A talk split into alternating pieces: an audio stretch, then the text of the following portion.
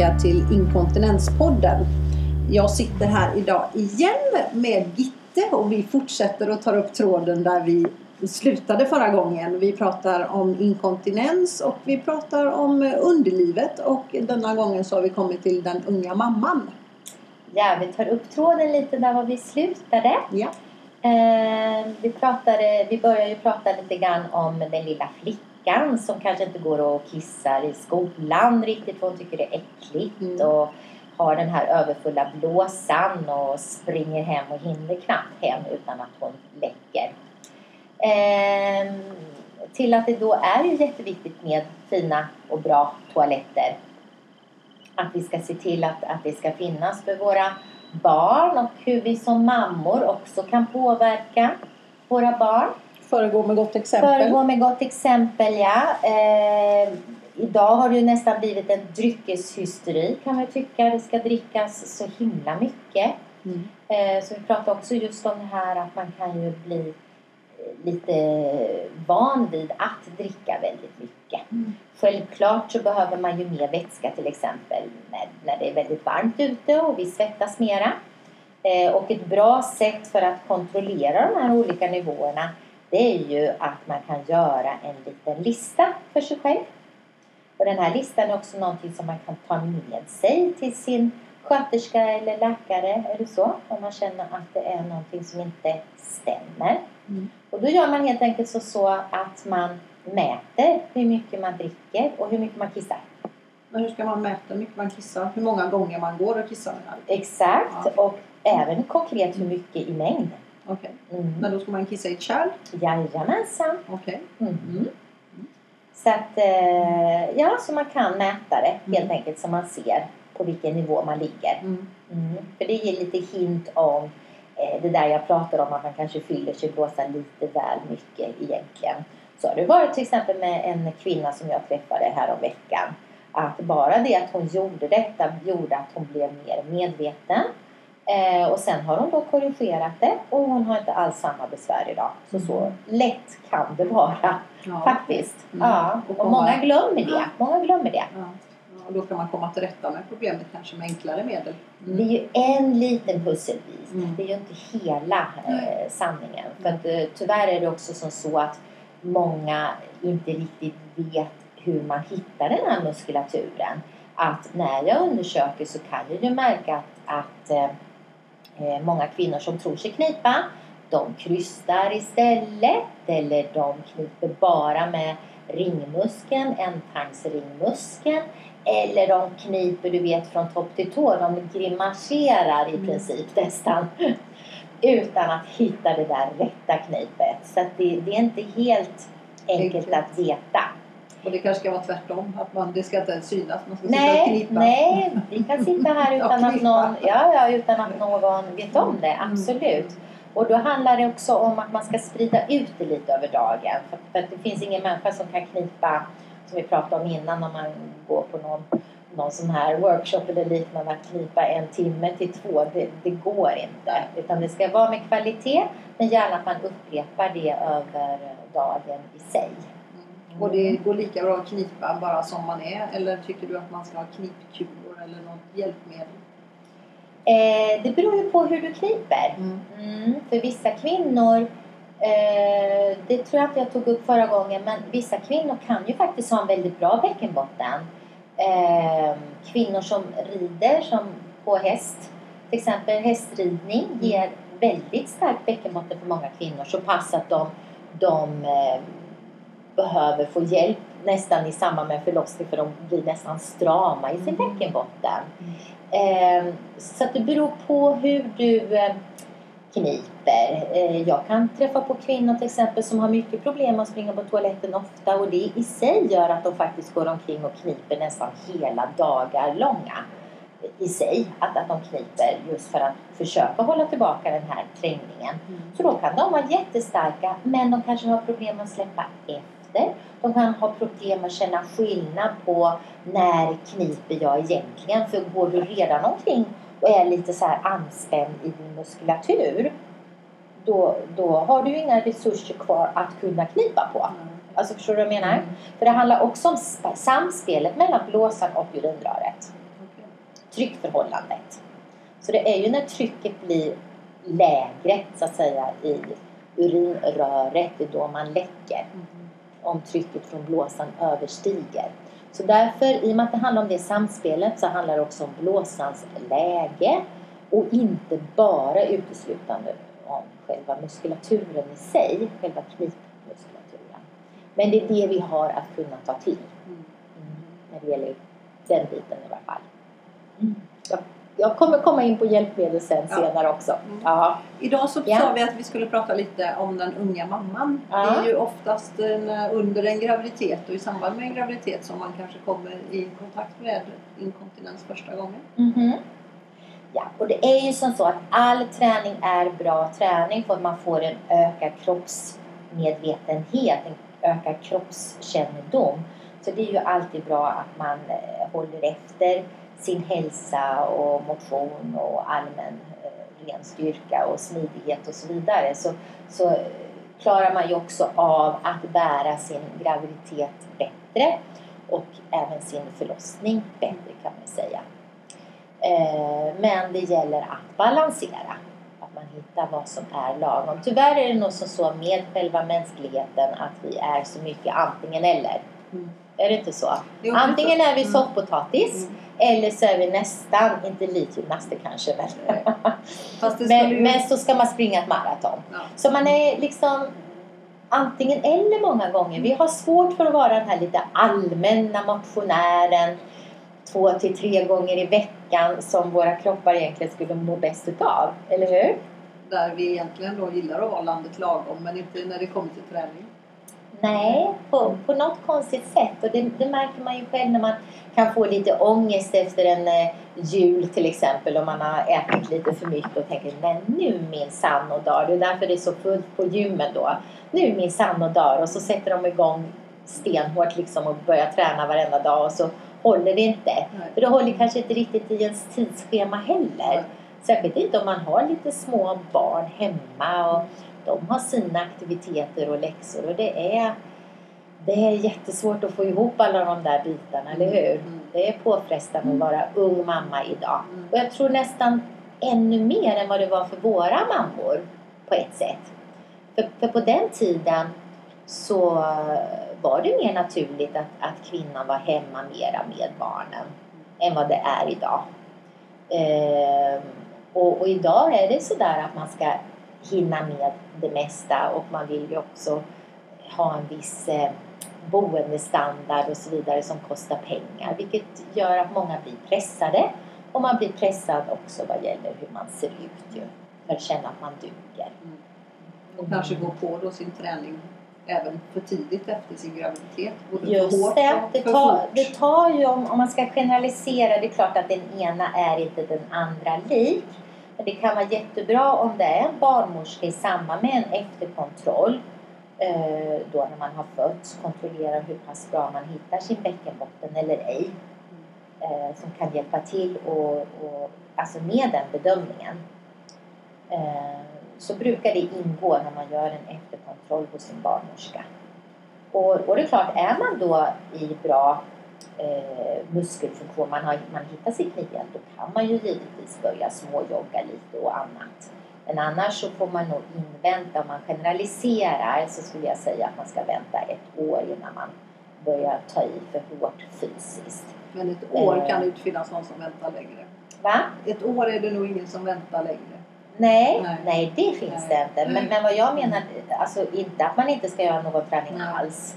Utan självklart att man kan eh, promenera, powerwalka, simma pratar, simma pratar vi om tidigare. Cykling är ju någonting annat också som man kan göra. Yoga och pilates måste jag göra slag för också. För det är ju nästan som sjukgymnastik. Det bygger upp de här små stabiliserande musklerna som gör att vi håller oss mer skadefria till exempel. För det finns ju hur mycket träning som helst som du ändå kan göra men kanske inte riktigt gå på. Eh, för det är mycket de här intervallsporterna som blir svåra om man också ska generalisera. Det kan vara det här klassiska framåt vårkanten när man ska spela brännboll med ungarna eller med vännerna för den delen eller fotbollskamp mot sonen och de, hans kompisar och de är ungefär 10-12 år gamla. Man får kämpa där för att hålla masken och klara av det. Mm. Men det blir lite det här eh, intensiva plötsligen, fram och tillbaka, hit och dit. Eh, tennis, eh, fotboll som jag sa, vad har vi mer? Alla sådana sporter, basketboll. Ja, allt sånt frestar på mera eller är lättare att man läcker än när man gör sån i jämn aktivitet, jämn takt, jämnt underlag. Förstår du vad jag Bygger menar? upp det. Mm. Mm. Långsammare och stabilare. Ja, ja, precis. Mm. Mm. Ja, det är spännande att se vad man då ska inte bara ta hand om som sagt ett litet barn utan man ska även ta hand om sin egen kropp då som kanske är helt ny och annorlunda. Det kanske inte känns likadant. Nej, det är ju nog så himla babyfokuserat Mm. när man har fött ju, Mm. eller hur? Man, Mm. man går och väger sitt barn och man läser alla handböcker om amning och allt vad det kan vara. Så att man lite grann glömmer sig själv i den perioden. För en annan sak som är väldigt, väldigt viktig det är ju faktiskt att man har en, en mage, mage-tarm som fungerar bra.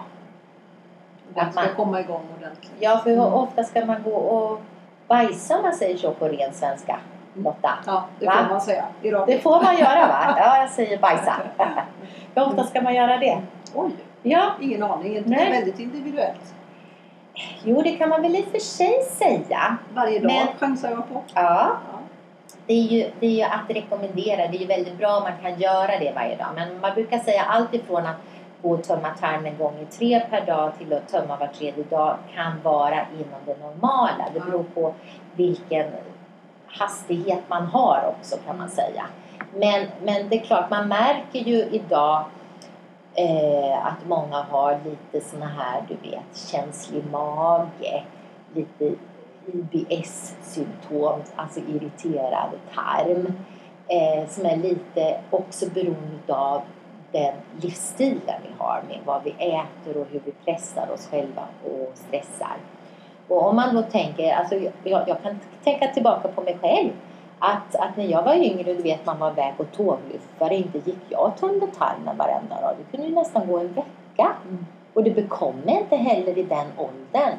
Men man märker mer och mer att det också får en betydelse. För det får en betydelse till exempel att du inte tömmer din tarm ordentligt om du inte har en bra sammansatt konsistens på avföringen om jag uttrycker mig så.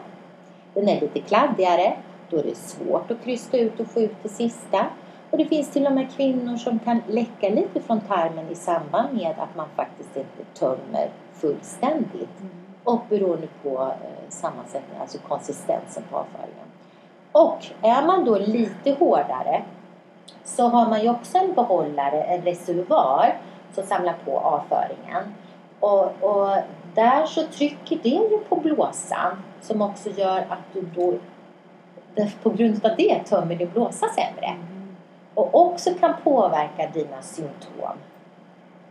Ja, det är väldigt komplicerat det här. Mm. Jättekomplicerat. Men, men ju förr man kan starta och ha goda vanor, desto bättre är det. Så att om man eh, tänk på, jag vet jag hade en, en ung flicka en gång och hon, hon hade ju problem med magetarmen. Det visade sig att hon åt ju nästan ingenting heller. Och det är klart, det är ju inte så lätt att producera någon avföring då. Att liksom förstå att det, det är klart att det, det vet vi alla att kosten och så, det är ju vårt bränsle, Mm. att vi behöver det för att få energi och så vidare. Eh, men att se de här sambanden lite mer och faktiskt inte fuska. Och om jag tar mig själv igen så gjorde jag väl också det misstaget att man går där hemma med, med, med bebisen och x antal barn då så småningom. Att hela förmiddagen blir ju en lång frukost. Mm. Man går kanske inte riktigt upp klockan sju och, och gör sitt lilla gympaprogram och så duschar man och så äter man sin frukost och, och så här. Va? Precis som man är nästan redo för att ge sig iväg till sitt arbete. Det gör man ju inte Nej. när man går hemma med barn. Nej, det blir Egentligen. långdraget, andra rutiner. Ja, men sen om jag jämför med det som har hänt om, alltså, om jag jämför med när jag var i den åldern, det är ju att, att kvinnorna är ju så mycket mer medvetna idag givetvis vad de stoppar i sig Mm. och är mer medvetna om just detta. Men fortfarande är det ju så, så att många kanske inte se, ser ett samband med hur man tömmer sin tarm och hur pass mycket det kan, ändå kan påverka. För det är viktigt. Nästa sak som vi sa vi skulle ta upp det var ju att det kan ju faktiskt bli en stor förändring hur man ser ut i sitt underliv efter en graviditet eller förlossning. Mm. Och det är väl också någonting som vi kanske inte riktigt har fostrats med. Jag menar hur många tittar på sig själva hur man ser ut där nere? Har du gjort det Lotta? Nej, absolut inte. vi kanske inte fostras med att liksom oj vad jag är snygg och vacker där nere. Ehm, och det tycker jag är lite synd att vi faktiskt inte gör det. Vi borde göra det. Borde vi? Ja, vi borde titta hur vi ser ut där nere. Du kan, du kan stänga om det, du behöver inte visa för... Du kan stänga om det. Men nej, men det borde vi. Eh, därför att det jag försöker också säga till de här unga mammorna det är ju att, att vi måste vara glada och tacksamma för de funktioner vi har för kropp, alltså i kroppen. Eh, det man ser, om man nu ser något annat underliv, om du nu skulle se det, inte vet jag, och vad man nu tittar jag på. Ja, men vad man nu tittar på. Så, så får man tänka på att de är korrigerade precis som dessa Ja, du tänker på bilder. Ja, vad tänkte du på? Ja, jag vet inte. Jag Nej. fick en annan vision. Eh, varken bilder Nej. eller i verkligheten. Okej, men, men många gånger så är det till exempel det här med inre blygdläppar. Jag försöker förklara som att det är ju som med våra näsor. Det ser olika ut. Det ser olika ut och det är helt okej. Eh, att vissa har stora små näsor och så vidare. Och samma sak med det här med blygdläppar. Men nu är det precis som att nej, då är det inte snyggt att ha för stora eller de är olika stora eller vad det nu är för någonting. Jag hade till exempel en, en, en kvinna som på allvar liksom tyckte att, att det är så konstigt för hennes stråle var så splittrad nu. Så, här. så att det var det hon sökte för. Men det visade sig att det handlade lite då om hennes blygdläppar. Att det var det som gjorde det. Och att okej, det låter väl kanske konstigt att man skulle behöva sitta och hålla isär för att man skulle kunna kissa så att det inte blir så splittrad stråle. Men det var ju faktiskt rent konkret det det handlade om. Och Hon vill där, ha hjälp. Ja, ja, Mm. jo, men sen när hon förstod sambandet, för det var ju liksom lite grann att man måste alltid höra efter mycket just på kvinnornas historier just för att se just vad det handlar om. För att om hon söker kanske säger att jag har fått sån konstig stråle som sprutar åt alla håll så är det ju möjligt att, att, att man kanske kan tänka på oj, vad kan då ha hänt? Mm. Att man kan tänka på massa annat också ju i och för sig. Eh, men i varje fall om vi återgår till det där med spegeln ja. Eh, att vi blir förändrade efter vi har fött barn. Det är ju bara att tänka det själv och få ut en sån här liten, liten unge där mellan benen. Eller hur? Mm. En otrolig prestation Mm. egentligen om man tänker efter. Påfrestning för kropp- kroppen. Ja, ja, ja, ja, ja. Och, och det finns ju kvinnor till och med som spricker hela vägen upp emot ringmuskeln. Det kallas ju för sfinkterrupturer som man kan ha då i olika eh, grader. Och ett tag så pratar man om, du vet, det var modernt att föda stående men att samtidigt kanske inte barnmorskan på samma sätt kunde vara med lika mycket och styra att det blir lite för snabba förlossningar och därmed kom de förlossningsskadorna mera. Samtidigt som vi kanske också har faktiskt blivit bättre och bättre på att fånga upp och, och diagnostisera detta. Men det som är själva perineum eller bäckenbottenplattan det är ju utrymmet mellan den vaginala öppningen och ändtarmsmuskeln. Så det är klart att den delen, hur pass tjock den är eller hur mycket man har kvar av den påverkar ju också hur mycket du klarar av att liksom stå emot Mm. många påfrestningar. Blir det skillnad på om det är din första förlossning eller din andra förlossning? Ja, alltså den ena förlossningen är ju inte den andra lik och det var det vi pratade lite grann om hur man ska rekommendera om man kan liksom gå på och föda. Ett tag var det mycket för det här, så var det på min tid i alla fall med Försäkringskassan, man skulle föda inom två år, var det inte så? Ja, För man skulle få del av sin heltidslön om man nu hade haft den. Ja. Och jag tror det är väl någon sån tidsbegränsning idag också. Ja, Kanske. Kanske. Ja. Det ska vi nog inte säga. Eh, nej, jag vet inte. Men eh, det kan vara så att om man väntar x antal år, tre, fyra eller vad det kan vara, att det kan bli som att man är omföderska. Men det är inte säkert.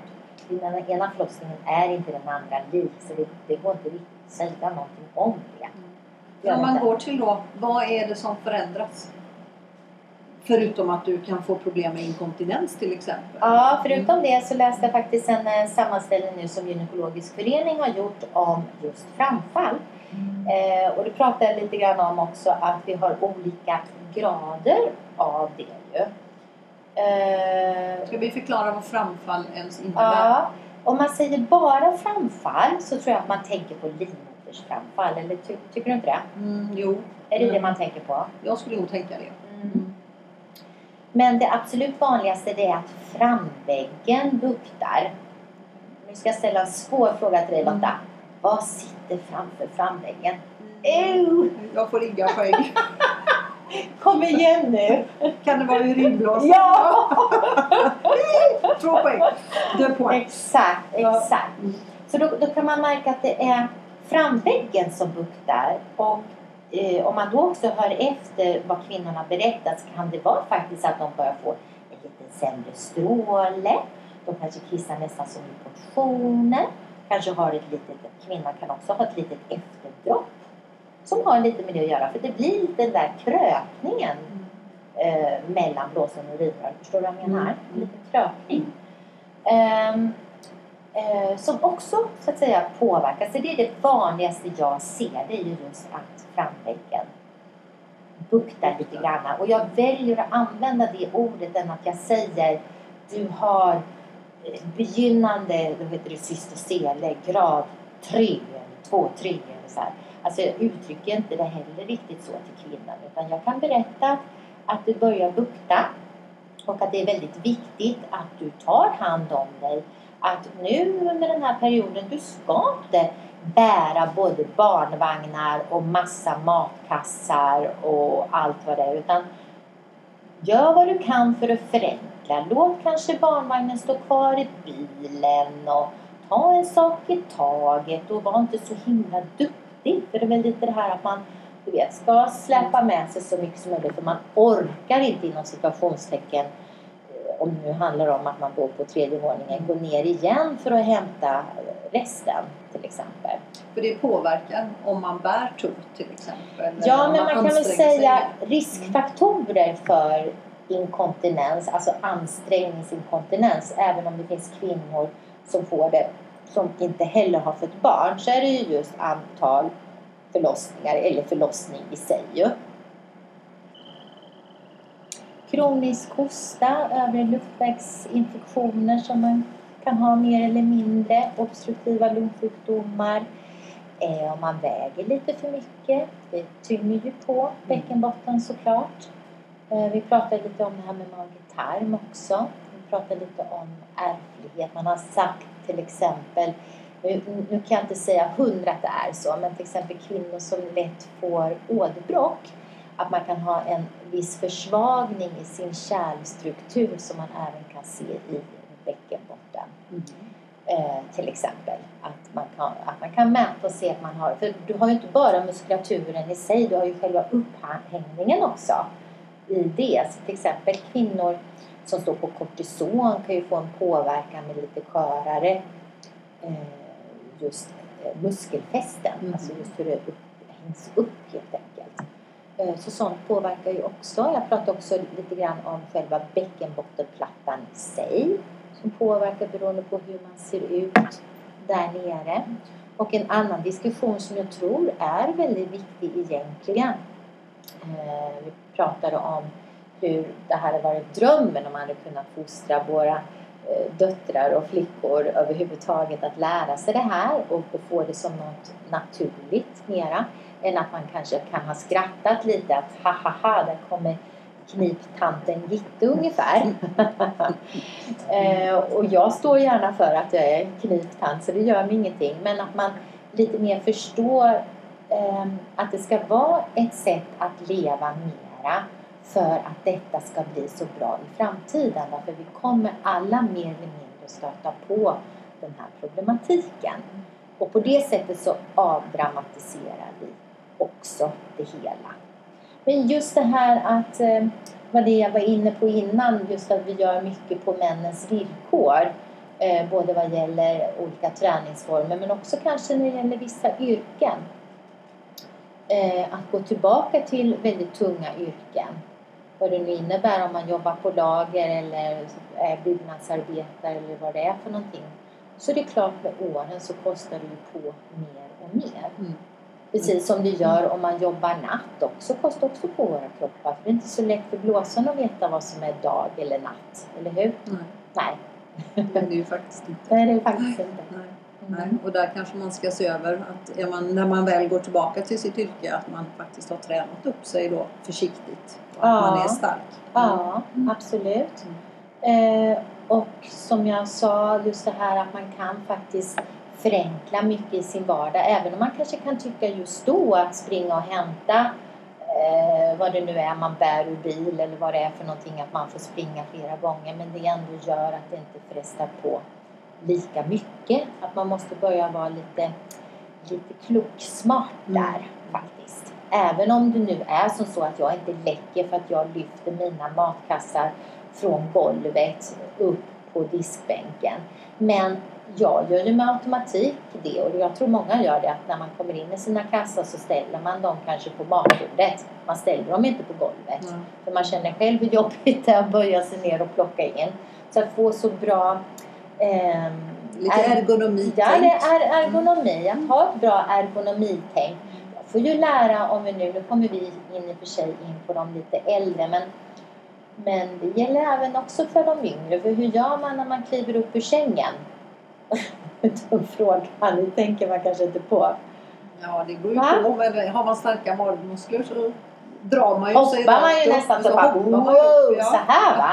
Men helst skulle man ju sträcka ut sig som en katt och man skulle vrända sig om på sidan och sätta ner benen och skjuta ifrån och sitta på sängkanten lite och ta lite sköna andetag där och se om man hittar sin bäckenbotten Mm. eh, innan man reser sig upp, särskilt om man har lite full blåsa. Och vet du vad jag brukar berätta för mina patienter som är ganska kul? Jag säger att det är helt okej att ta skamgreppet. Det myntar jag gärna. Annars brukar jag säga Michael Jackson-greppet. Förstår vad jag menar då? Ja. Ja, men Varför det- ska man göra det? Ja men allvarligt talat, om man är jättekissnödig och och man hoppas att ingen ser en, är det inte så man gör då? Man håller med hela handen. Eller bägge händerna och Ja, springer bägge! Så man trycker och håller upp emot. Är det inte så man gör? Det är väl därför man också lite grann korsar benen Mm. när man eh, Ja, ja. hostar och Så nyser. skamgreppet på morgonen. Ja, nu demonstrerar jag för Lotta här så det är tur ni slipper se det. Jag blir så full i skratt. Ja. Ja. du är härlig. Ja, men det är ju ett bra knep. Men det Mm. kanske är till en äldre kvinna då. Men det, Ja, men även till den yngre som faktiskt glömmer sig. För hon, eh, hon eh, ställer sig ju också så här med benen i kors när hon hostar och nyser beroende på hur stark eller svag man är. Det är ju också som så resultatmässigt kan jag ju märka det att det handlar mycket om, vi pratar om energier, men all, allting handlar om energier i kroppen. Att om, om vi nu säger att det handlar om 100% energi.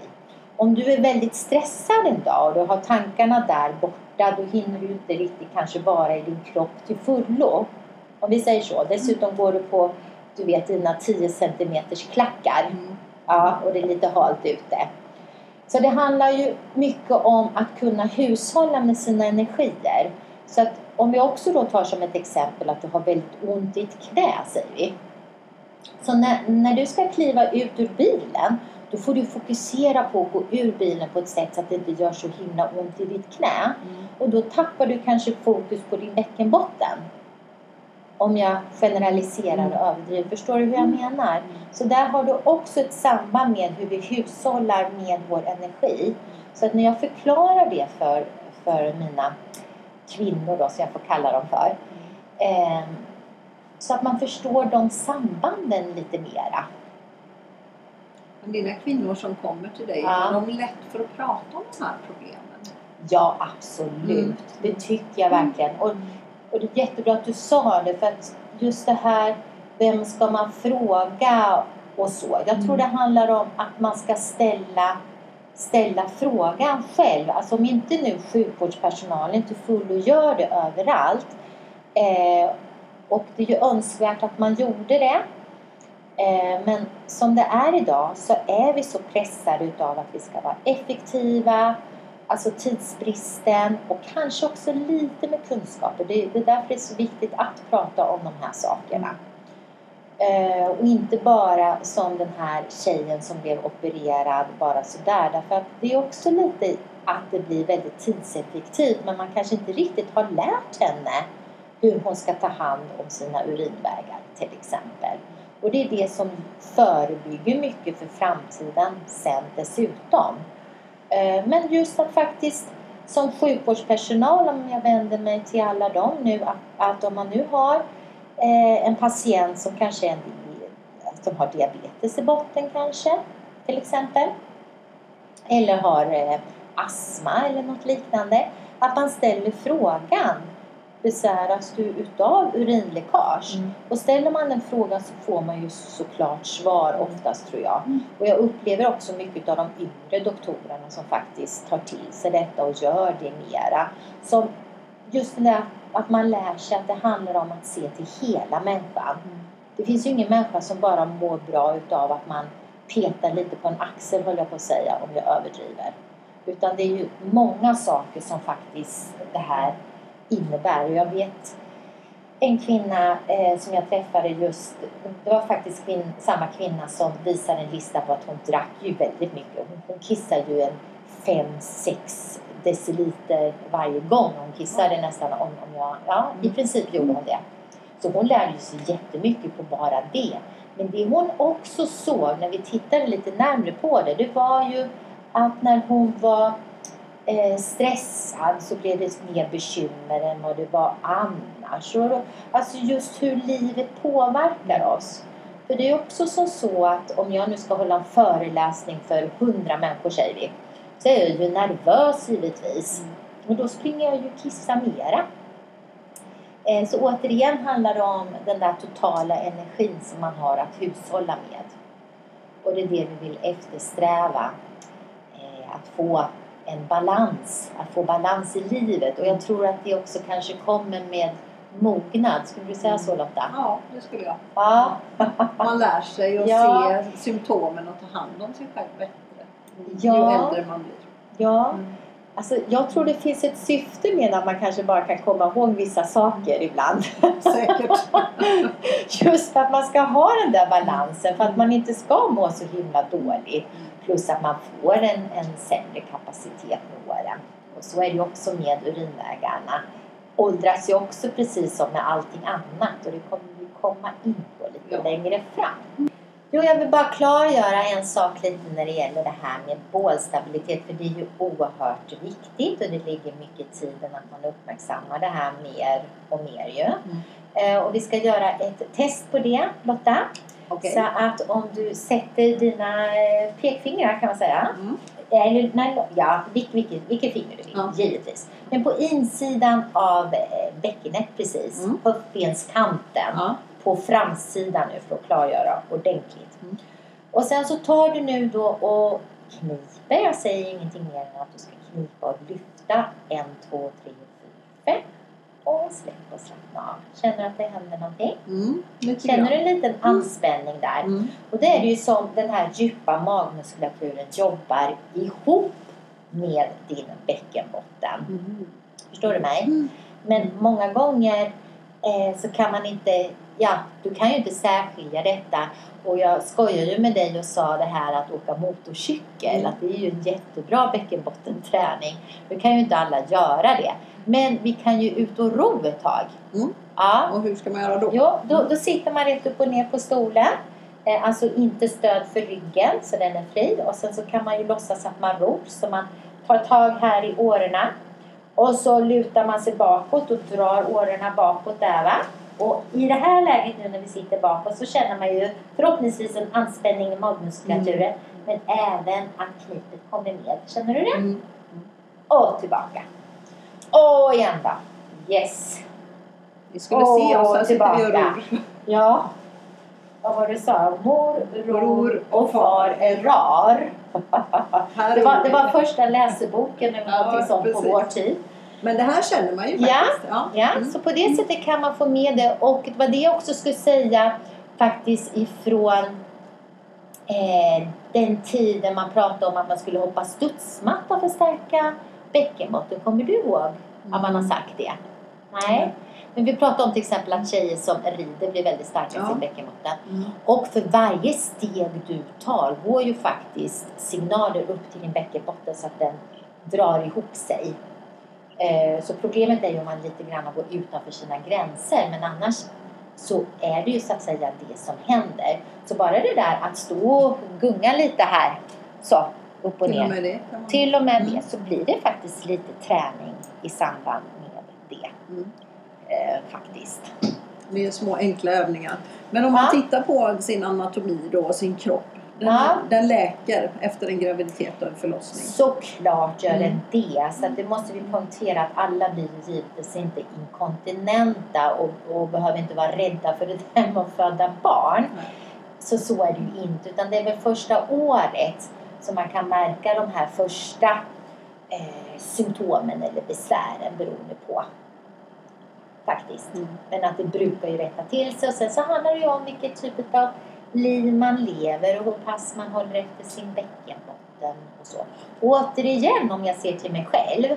Alltså jag jobbar ju inte med det här då så jag tänkte ju inte på någonting utav detta. Och det var ingenting jag direkt märkte av heller.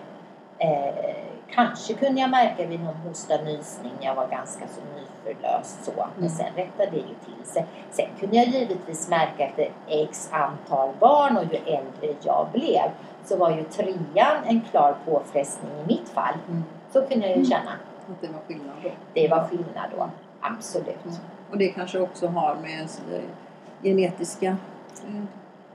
Ja, det, prat, ja, det pratade vi om lite grann. ja. Att det kan finnas Mm. något samband där. Ja. Mm. Mm. Absolut, även om det nog är riskfaktorerna i sig som du vet jättetunga eh, lyft och sånt som kan ligga bakom mycket utav eh, besvär vad gäller Mm. framfall till exempel. Mm. Mm. Om vi går tillbaka till de här knipövningarna. Kan alla knipa? Eh, ja, man kan ju testa och se om man kan knipa. Eh, dels har man ju pratat om det där att stänga av strålen och det var jättebra att du sa det nu för att träna på att hålla på och stänga av strålen när man kissar ska man inte göra. Nej, för då stänger man ju av någonting som är naturligt, naturligt som att tömma sin blåsa Mm. och då kanske man tömmer sin blåsa sämre. Mm. Men eh, jag brukar kalla det för fantomtestet. Jag har ju mycket sådana uttryck. Vi pratade om Michael Jackson-greppet Ja, tidigare va? Nu kommer vi till Fantomen. Ja, Mm. och då har du toaletten här. Nu Mm. demonstrerar jag för Lotta igen. Mm. Ja, och jag är eh, jättekissnödig. Så att det största testet är ju just jag har full blåsa och jag drar ner mina byxor och jag sätter mig ner på toaletten. Men jag får inte kissa, jag ska inte kissa, jag ska hålla, hålla, hålla, hålla, hålla, hålla, hålla. Okej, nu då. Oj. Det är fantomtestet. Ja, så så kan man ju utmana för att testa sig. Sen kan man ju givetvis få stänga av strålen bara för att testa och se om man har den funktionen eller ej. Ja. Men man ska inte upprepade gånger göra det. Nej. Nej. Sen kan man ju också testa om man har en partner ju. Eller för det första, man kan ju själv givetvis känna efter. Det var det där att inte vara så himla rädd för att titta efter hur vi ser ut va. Mm. Sen också inte vara så himla rädd att känna efter. Inte det heller. heller. Inte det heller. Man kan peka både här och där och se liksom Vad man har för funktioner. Ja, vad man har för funktioner. Men att stoppa in då en, två fingrar och knipa runt om för att se om man verkligen kan göra det. Och man kan fråga sin partner. För det stämmer ju faktiskt lite det de går ut och säger med det här. Det är ju ett hemskt namn att säga geisha-kulor. Men i varje fall att det är så du förstärker lite orgasmförmågan. Mm.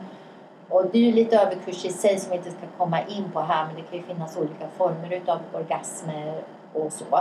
Men om man nu tar klitorisorgasmen som är så att säga den vanligaste Mm.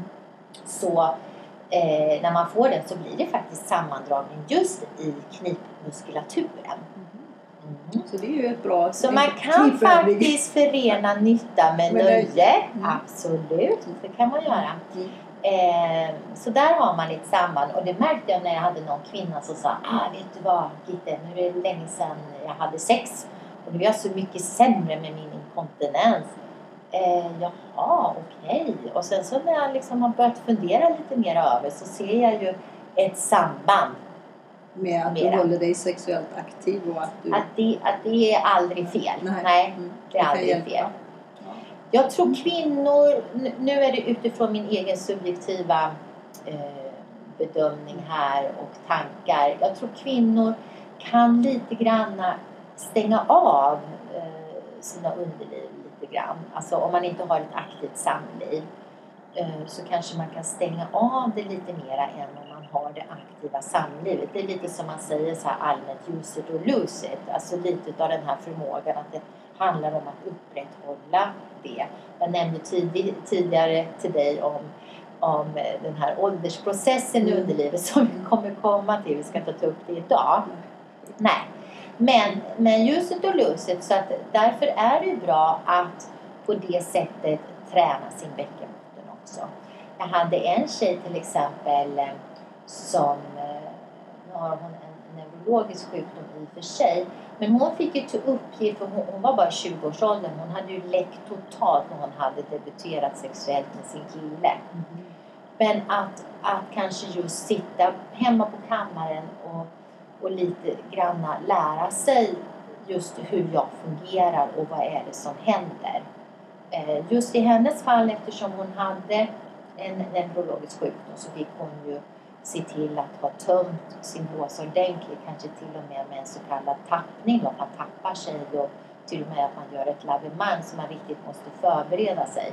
Och det låter ju hur tråkigt som mm. helst, eller hur? Att man ska behöva leva så, eller ha det på det sättet. Men, men eh, alltså, det är väl också som så om, om man ska vara ärlig så utifrån respekt för ens partner, jag på att säga, så vill man ju i princip vara nyduschad. Mm. Att, att man tycker det känns bra. Mm. Men vi är ju alla olika givetvis. Mm.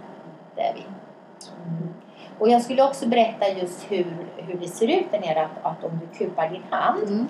på det sättet. Eh, så om man öppnar lite i mitten där så är det däremellan du har dina öppningar vad gäller urinrör, den vaginala öppningen och ändtarmsmuskeln. Så att muskulaturen löper precis i stråk på det sättet runt om och också ungefär i den storleken kan man säga. Men den här plattan så att säga, vid svaghet så blir den lite mer som en korg och det är därför allting kan lite grann falla ner och det blir den här förändringen i samspelet också. Mm. Bra förklarat. Tack så mycket.